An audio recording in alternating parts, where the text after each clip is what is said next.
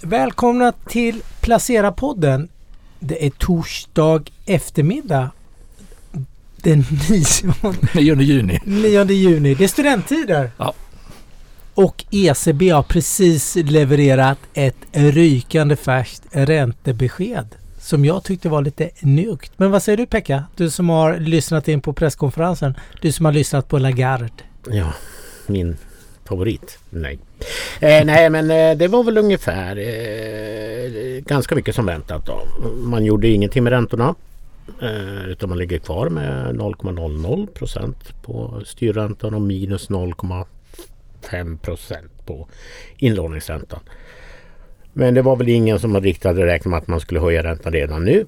Däremot så utlovar man då more or less en räntehöjning i juli. Men man låser sig konstigt nog vid 0,25 procentenheter. Man mm. säger det uttalat vilket jag tycker var jättekonstigt. Mm. Eh, men eh, samtidigt som man flaggar för att räntehöjningen kan bli större än så i, redan i september. Och det jag då undrar är liksom, varför höjer man inte nu? Det skulle man lika gärna kunna göra. Eh, och, eh, eller i alla fall hållit uppe för en större räntehöjning i juli.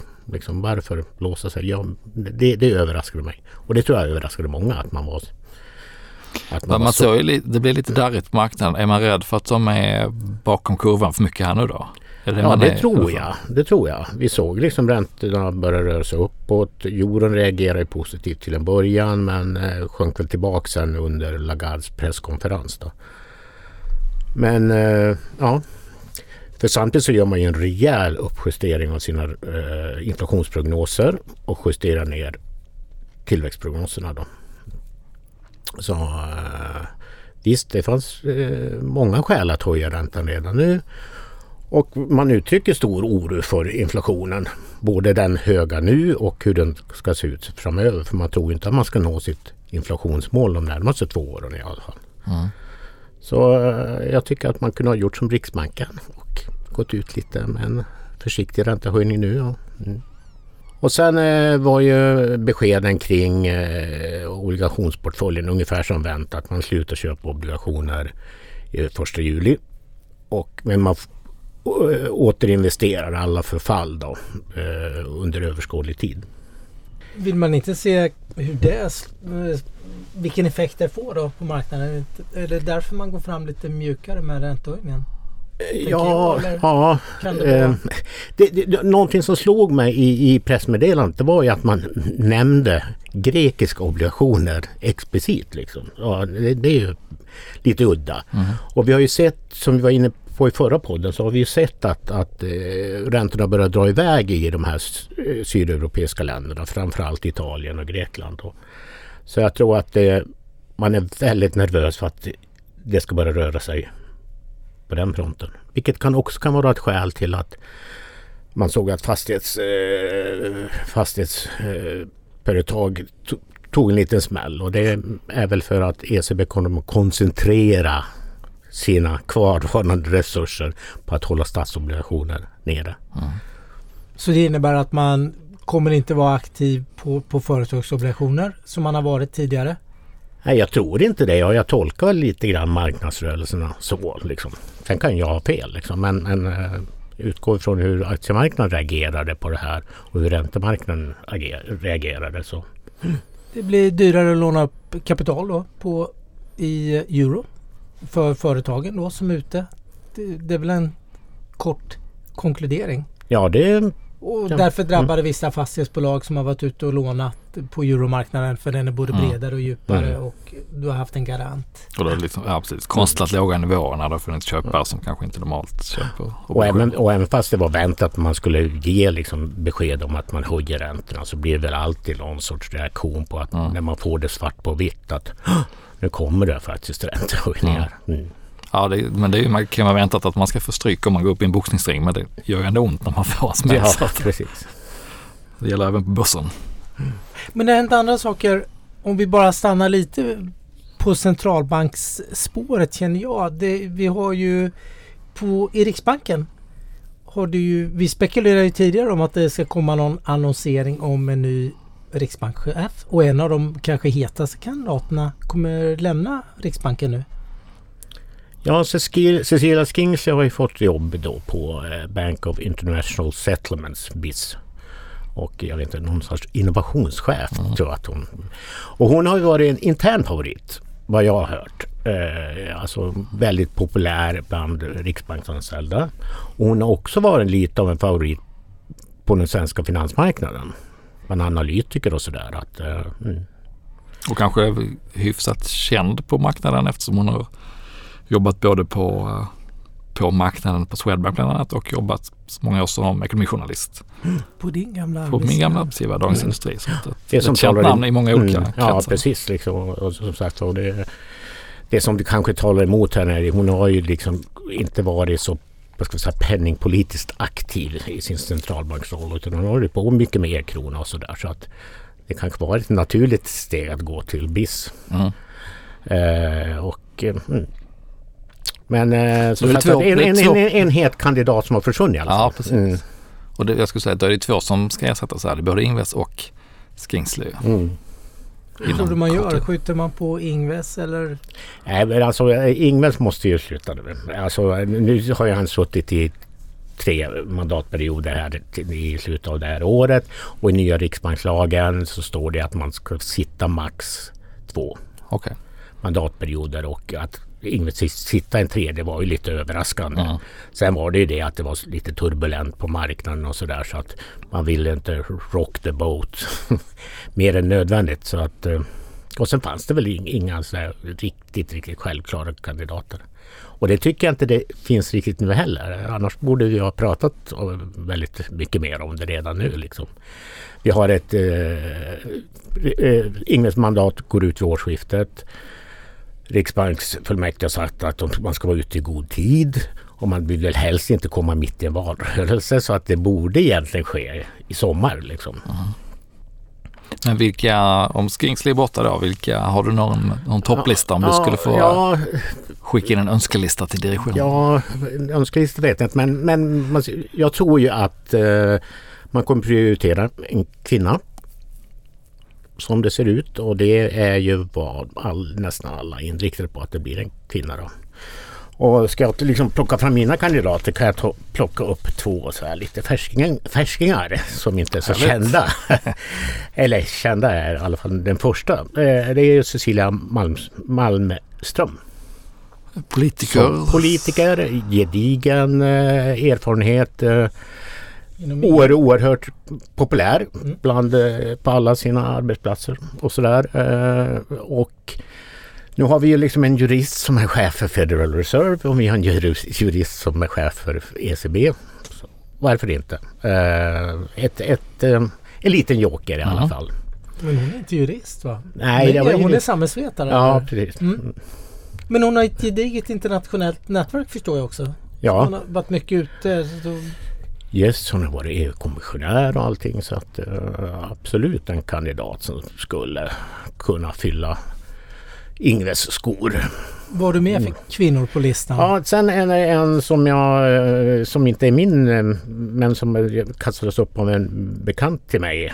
Och det är ju Kristin Magnusson Bernard. BD för Första AP-fonden. Ja, just det. Också någon med gedigen erfarenhet. Hon är ju ganska ung då. Det kanske tar emot. Men har eh, rätt, hållit på väldigt mycket med, med så riskanalys och sånt där. Eh, så eh, det är ju också en eh, så här, liten outsider. Sen har vi några nygamla som skulle kunna dyka upp igen i diskussionen. Carolina Ekholm. Ja. Som egentligen var en het kandidat redan 2017. Men, och då kunde man inte enas och då blev det Ingves igen. Ja, sa precis. Det var, mm. storyn gick. så att, men nu sitter ju hon där hon sitter på Riksgälden. Och, ja. ja kanske inte är så sugen på att komma till Riksbanken igen. Fast det är ju trots allt ett litet hopp uppåt även från Riksgälden. Konstiga saker har hänt. Ja, precis.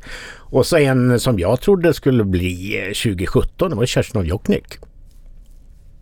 Skulle också kunna tänkas göra comeback. Min, min tes var när Ingves fick sin fick det nya mandatet så tänkte jag ah, han hoppar av efter två år och sen ersätter han av Jokknik mitt under. Men men, jag hade fel. Barnen har ju fått fyra namn, vilken Ja, ja, och sen har jag några personliga favoriter som väldigt höga odds på dock tyvärr. Men det är ju Kristina Nyman, chefekonom på Handelsbanken. Också en gammal riksbankare eh, om man vill ha en tjej. Eh, En personlig eh, superfavorit är Jesper Hansson som var chef för penningpolitiska avdelningen. Han lät dock inte så sugen när jag lyfte hans namn efter vår podd. Just det, han var med i podden här för bara några veckor Ja. sedan om man har missat den kanonintervjun. Ja. Där du även nämndes. Och sen Ja, kan väl, ja. Och sen är det en, sån här, en, en gammal kollega till mig, Hans Sterte på Skandiabanken. Investeringschef. Ja, ja. Eh, men det är också en riktig, riktig högoddsare. Men det vore kul att se dem i den rollen. Men besked kommer, tror du? Det kommer i sommar. Då pratar vi juli, senast augusti. Man vill inte komma för nära valet som du säger heller. Ja, det Så- borde komma men i och med att Mm. vi har hört så otroligt lite om det. Liksom. Antingen måste man ju ha en, en, en ganska klar kandidat Mm. redan nu. Liksom. Eller, Jag såg en intervju, om det var i Dagens Industri tror jag, där med, som jag har tappat namnet på, hon som är ordförande i, eh, vad heter de som utser centralbanksfullmäktige? Riksbanksfullmäktige. Exakt, Mm. exakt. Och där lät det mellan raderna som att det kanske inte kommer fullt så snabbt som de hade trott tidigare. De vill ju inte ge någon tid för det men att det lät som att ja, det är inte säkert att det kommer fullt så snabbt som alla vill. Och det här kanske inte- Skingsley kan ju stöka till det med... Exakt, det kan ju ta ytterligare lite tid men eh, mm. Time will tell. Det blir spännande. Ja, det blir, ja, det blir ju jättespännande och roligt med en ny riksbankschef. Inte för att jag har någonting emot Ingves men han har ändå suttit väldigt länge nu då. Mm. Ja. Time will tell. Yes. Det har hänt mycket i veckan. Stockholmsbörsen. SAS håller på att krascha. SAS. Jag vet inte. Jag vet att du har tittat. Det Vi har så. lite vinstvarningar. Vi har lite vinst. Ja. Ska, vilken ände ska vi börja? Och vi har lite eh, Och lite nya uppköp. nya uppköp börjar igen. Och jag lite- tror att det blir mycket uppköp i höst. Men det Ja. kan vi prata lite senare om. Vad vill du börja Martin? Ja, ska, men ska vi börja med det som har hänt just idag, torsdag eftermiddag när vi spelar in, eller torsdag i morse kom det ju med en vinstvarning från e-handlaren Boost. Och det är inget jättestort bolag men eh, intressant tyckte jag att de pekar på sämre köpkraft hos konsumenterna, om att den är konsumtion, sällanköpshandeln går lite trögare och sänker då prognosen inte bara för kvartalet utan för helåret. Vilket drog med sig många av de andra e-handlarna. Speciellt de renodlade då som inte har både butik och e-handel som Revolution Race och eh, Bygghemma Group och, och några till. Um, och ja, det är ju, de hade ju redan gått ner rätt mycket och eh, Boost gick väl ner 18-19 procent på det här och tittar man tillbaka gjorde man en snabb summering på Eh, de svenska e-handlarna i år och ett år tillbaka och då är de ju ner nästan 60 i år i snitt de här bolagen. Och nästan 70 på ett år tillbaka. Så att det går ju väldigt snabbt ner när bolag som har haft en hög värdering. Om, jo, ibland sätter man multipeln på vinsten, ibland på omsättningen. Men oavsett, när, man, när multipeln går ner samtidigt som det man sätter multipeln på går ner för att det blir sämre, då blir det en ganska dramatisk effekt på kursutvecklingen. Och det det är ju inga nyheter, men varje gång det händer så blir det ganska dramatiskt. Precis som det är kul när det går upp att både ett bolag som lyfter vinsten även kan få en högre värdering för att marknaden omvärderar så ja, men det, jag tycker det väcker också lite frågor kring hela hur stark efterfrågan är bland konsumenterna. Det som vi och alla andra har frågat oss sista veckorna och månaderna här och eh, det har inte synts i, den riktiga ekonomin så mycket än men det här är ju ett exempel på att det börjar göra det kanske då. Är de här först i ledet nu tror du? Tror du att vi kommer det ett pärlband av vinstvarningar i sommar? Blir det... Det borde vara ganska många som, som känner av det. De menar ju då i Boosts fall att det har varit ett ovanligt volatilt, volatilt andra kvartal. Eh, och det är klart att alla de här höjda bränslepriserna, höjda boräntor, reallönesänkningar, inflation. Dyrare mat. Ja, någonstans måste, ju, måste man dra åt svångremmen och eh, då är ju sällanköpsvaror i, i skottgluggen såklart. Så att, tror jag vi kommer få se mer av och jag menar, även om det blir okej rapporter så är det väl få som kommer våga säga att det andra halvåret är, är kanon. Å andra sidan då så får man ju en del signaler, för, kanske mer från industrihållet, att, att det är på väg att lätta där med komponentbristen och en del råvarupriser som planar ut och inte stiger längre. Så att det, jag tycker man är lite, man blir lite schizofren så ena dagen känner man att ah, men det kanske är på väg att lätta, inflationen går ner nu. Nu kanske inte börsen ska ner mer och sen så kommer en sån här smäll som man inser att ah, men vi är nog en bra bit från att, att det faktiskt ska ha eh, vägt ut i den riktiga ekonomin. Då tänker jag bara en liten passus innan vi fortsätter där. Då tänkte jag ta in Pekka. Var, var det inte OECD-siffror som kom? Nyreviderade, nerrevideringar? Ja. Både på global tillväxt, svensk tillväxt och så vidare. Tillväxten lägre, konsumtionen en stor del av eh, BNP-tillväxten. Minskad konsumtion.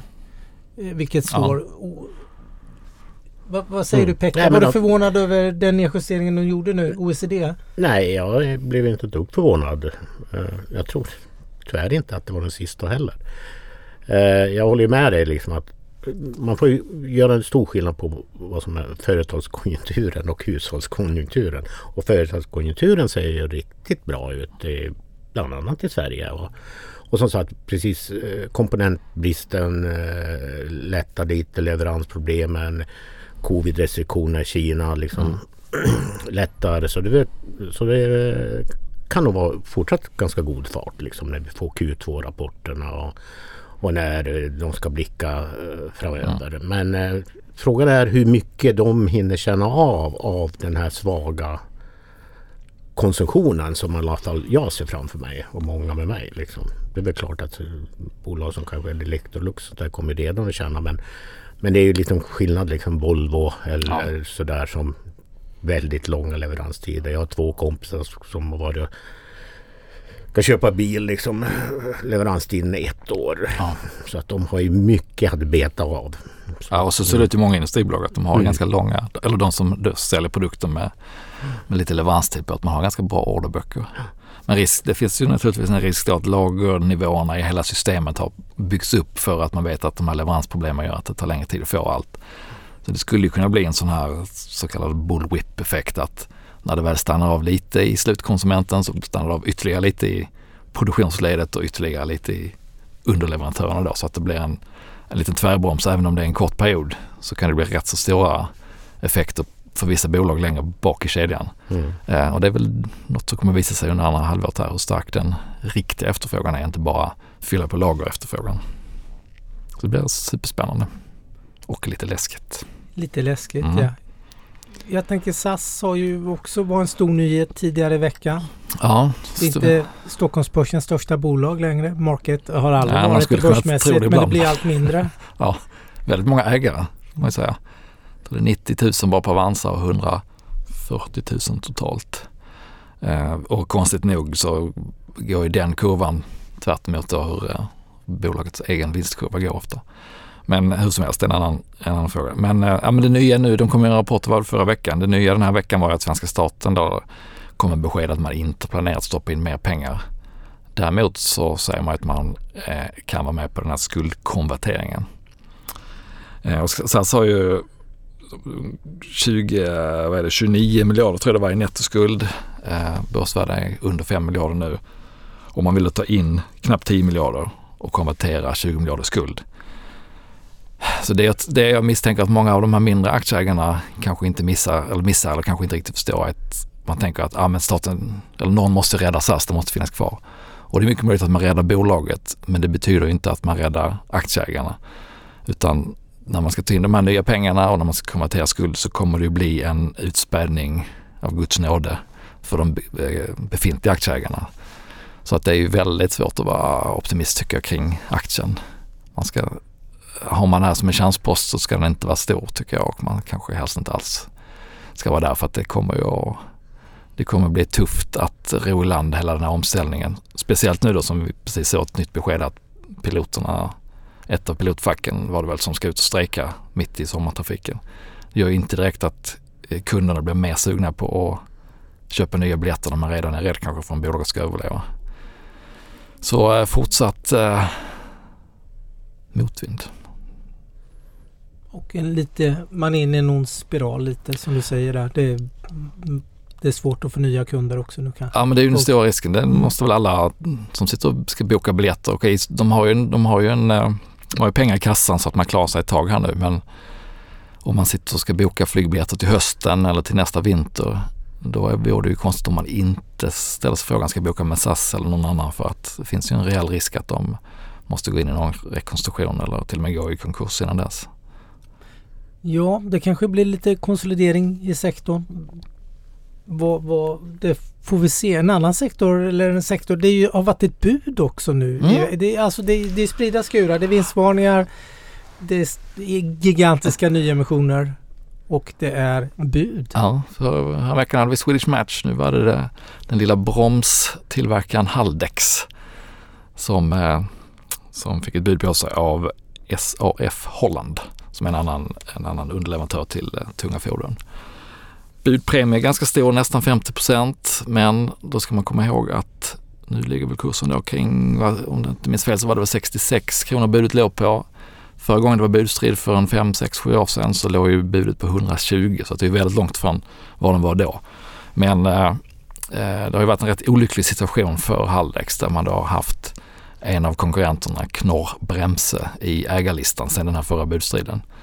Eh, det, och det är ingen optimal situation om man ska eh, ut på marknaden och träffa kunder och eh, de vill gärna ha fler att spela med och de, ja, det är helt enkelt hämma deras utveckling. Så det har inte varit så bra och det har gått trögt. Eh, så att jag skulle nog ändå säga att det är svårt att säga att någon annan skulle komma in här och, och trumfa det här budet. Eh, en annan av de som var med förra gången, ZF, de har köpt ett annat bromsbolag, det Wapco.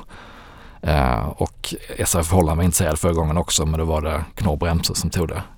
Så att ja, det ser ut som att det här är den köparen som, som kan betala upp och eh, då kommer de kanske inte att behöva betala, dra igång en bud eller riskera att dra igång en budstrid. Så att jag skulle, om jag var aktieägare skulle jag ta det här budet. också. sen är det tråkigt att ett eh, fint bolag försvinner. Dessutom ett bolag med huvudkontor i Landskrona, min hemstad. Och det finns inte så många av så att eh, det är med lite sorg man ser dem på väg att försvinna. Men nu, kronan är ju svag, det vet vi. Eller vi har lärt oss av Jesper att den kanske är värderad som den ska vara värderad. Men jag menar det är attraktivt att köpa svenska bolag. Uppenbarligen också. Vi har två bud nu som har kommit på ganska kort tid. Eh, på fina ja. bolag. Och industriella köpare i båda fallen ju. Mm. Ja, nu är de här uh, private equity-bolagen och den här typen av eh, känns ju lite mm. har lugnat ner sig för tillfället och inte med, utan det är industriella köpare. Tror du vi får se mer? Blir det mycket bud? Blir det en budhöst istället nu när det kanske blir blir det en blandning med emissioner, vinstvarningar och bud. Ja, det är det här början liksom på en cocktail som vi kommer att få se mer av?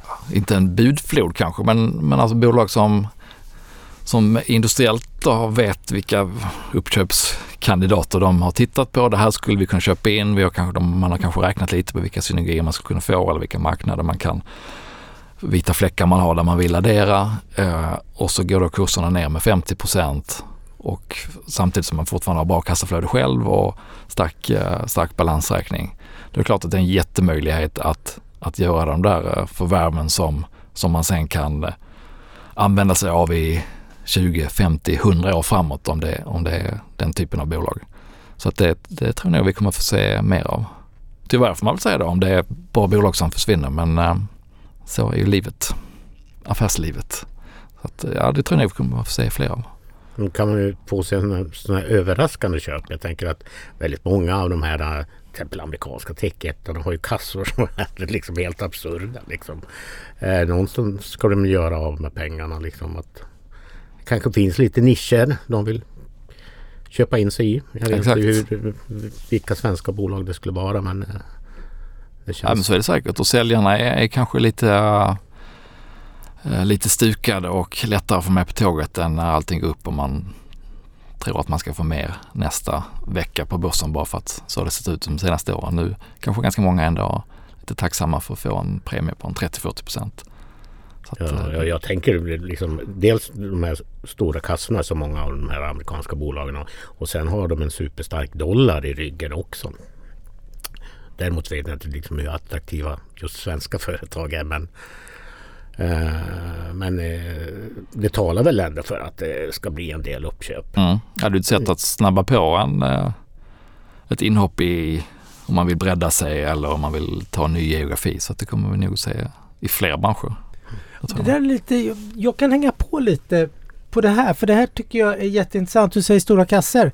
Jag tänker på en annan gigantisk stor nyhet som har varit. Det är ju Apple nu som har haft sitt eh, programmeringsevent eller det här stora eventet man har årligen då.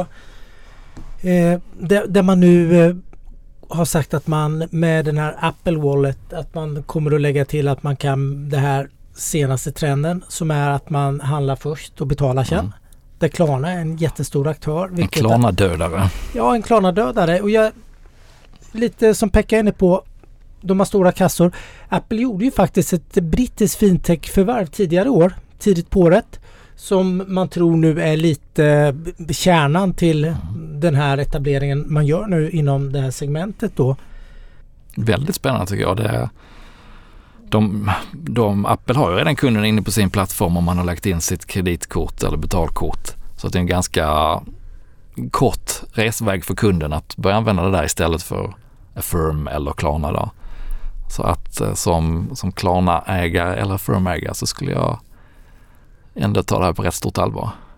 Ja, det är alltid tufft när de här riktigt stora, enorma drakarna kommer in och det ska väl göras emissioner här också vad jag förstår i Klarna-fallet ja, under året. Så eh, ja, vi får se. Men det, det händer väldigt mycket nu. Det har ju varit så väldigt drivet av inflation, räntor och, och rapportperioden var bra överlag. Nu börjar vi se att marknaden börjar att transformeras lite känner jag. Det är mycket bolagsspecifikt nu med de här buden, emissioner och eh, vinstvarningar. Börjar bli bolagsspecifikt igen. Och makron finns där men det, det känns ju lite som att den, den har man vant sig vid som investerare nu de sista månaderna. Mm. Vi vet att inflationen är hög. Det kommer, det kommer marknadsräntorna ska upp. Nu, nu känns det att nu är tio, amerikansk tioåring uppe på 3% igen. Men den här gången tar man det lite mer med ro de sista veckorna känner jag. Än förra gången det var över 3% Jag vet inte vad du säger Pekka. Känns det inte som eh, på något, man har, marknaden har blivit lite härdad? Jo, det har den ju definitivt blivit. Eh, jag menar hela den här liksom vändningen i, i maj och sådär där trots allt. Så hade ju en ganska positiv börs och nu har det ju rört sig väldigt mycket sidledes här i början på juni. Och, eh, trots att det var en del ränteturbulens. Så visst har man, visst har man eh, börjat kunna hantera det. Eh, men eh, jag, jag, vill vänta till morgondagens amerikanska inflationssiffra innan jag drar det strecket. Ja. Liksom. Kan den bli en... Hur, hur, hur pass viktig är den tycker du? Ja, men alltså, Fed kom besked i nästa vecka. Och, och efter ett två dagars möte och de har ju flaggat tydligt för att det ska bli liksom en räntehöjning med 50 punkter.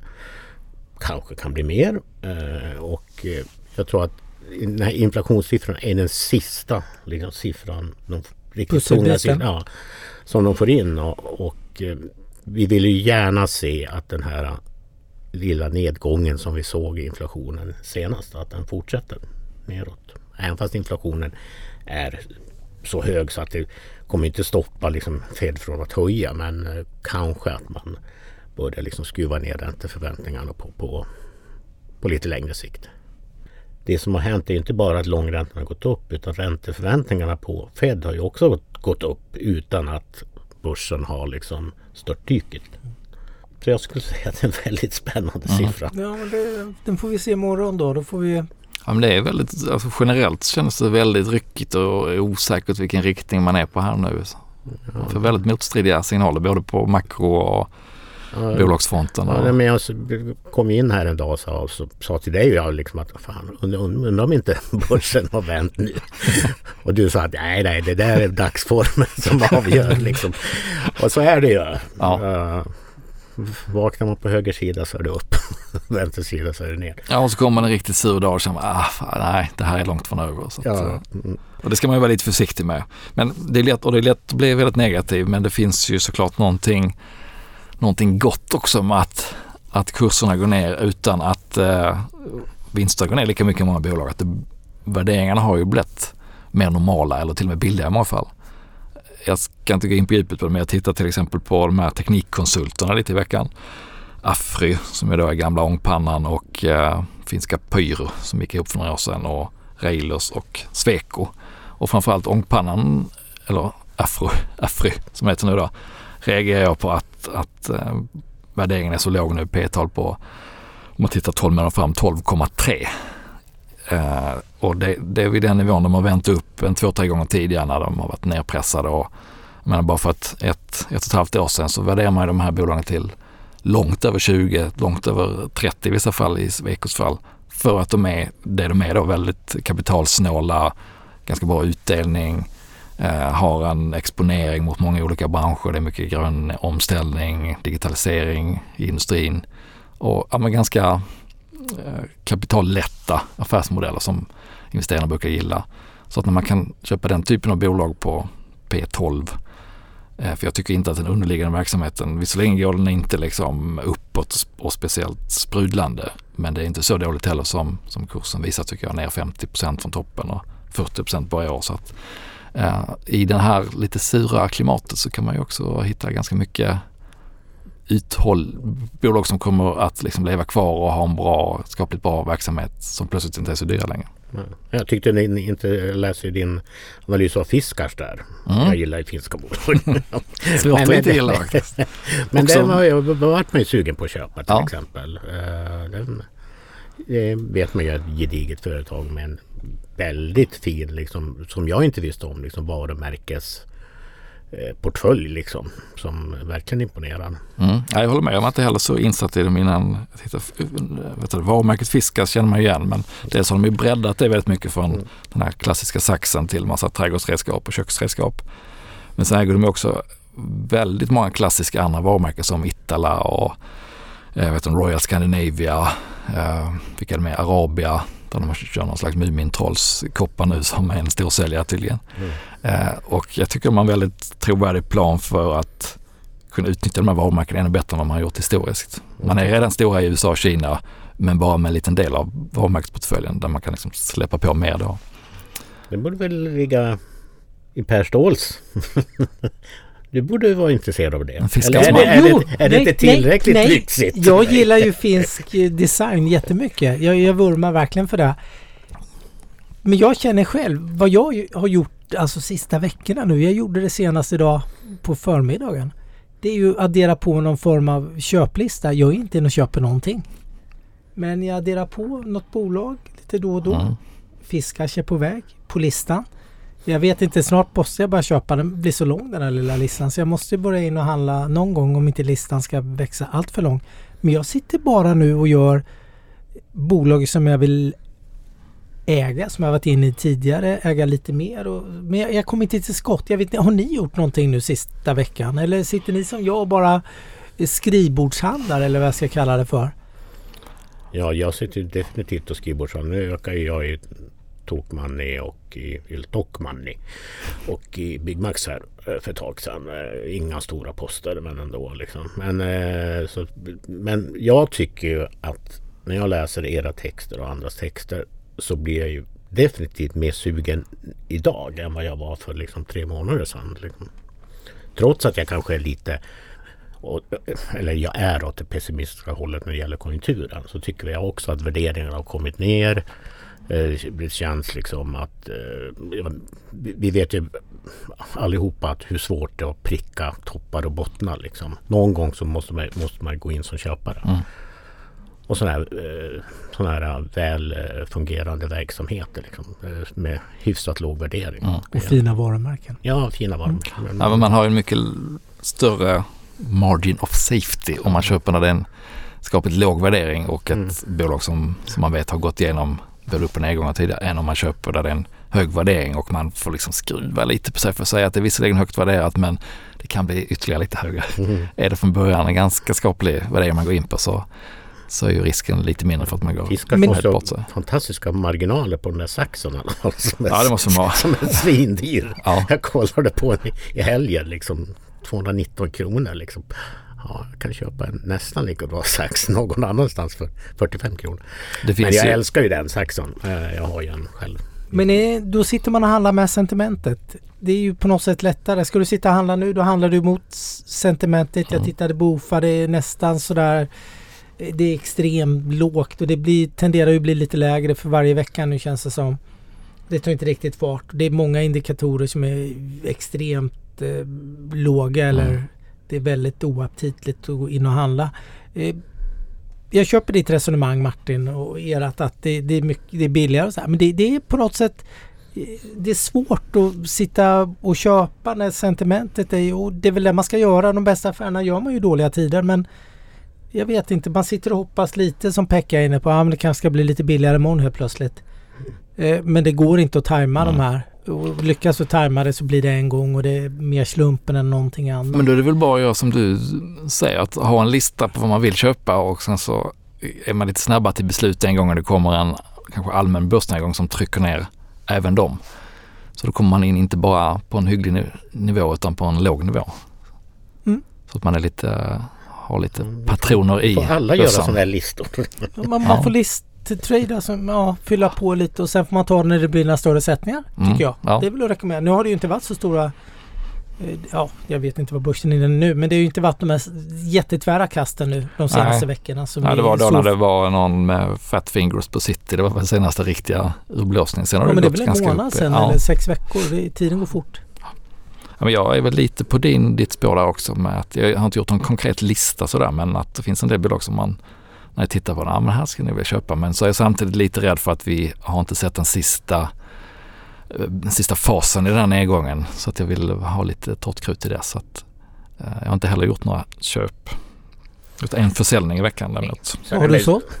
Jag sålde Embracer, det stora eh, spelbolaget som jag har varit en lite surdeg i portföljen, legat back på rätt länge. Nu är den upp lite drygt 30% på bara en månad.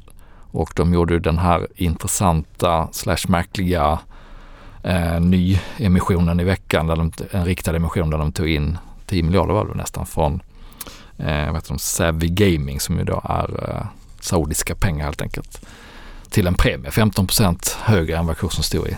Gjorde de den här. Så att det gick aktien upp på och eh, ja, det känns som att det är lite frågetecken kring varför och den här nya ägaren och i kombination med att jag äntligen inte var back längre så sköt jag ut med det.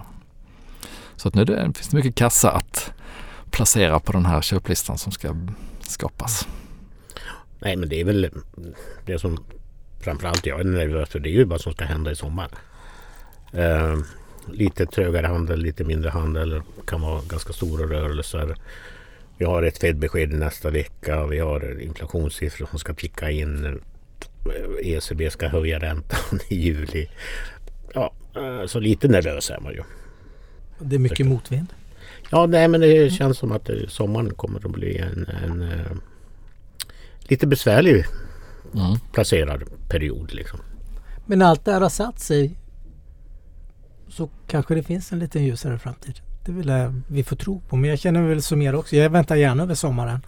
Och jag är inte inne efter att jaga de här jag behöver inte köpa på botten känner jag. Jag kan missa 5-10 procent mm. om allt blir mycket ljusare på något sätt för att saker och ting löser sig med, med inflationen och kanske med hur stora ja, ränteuppgångarna ja, ja. Nej, men alltså, Nu är ju liksom riktningen helt uppåtriktad när det gäller liksom räntor och ränteförväntningar och inflation och eh, inflationsförväntningar och allting. Liksom. Men vi vet ju att det här kommer ju att dämpas. Troligtvis liksom sen sommar, höst någonting.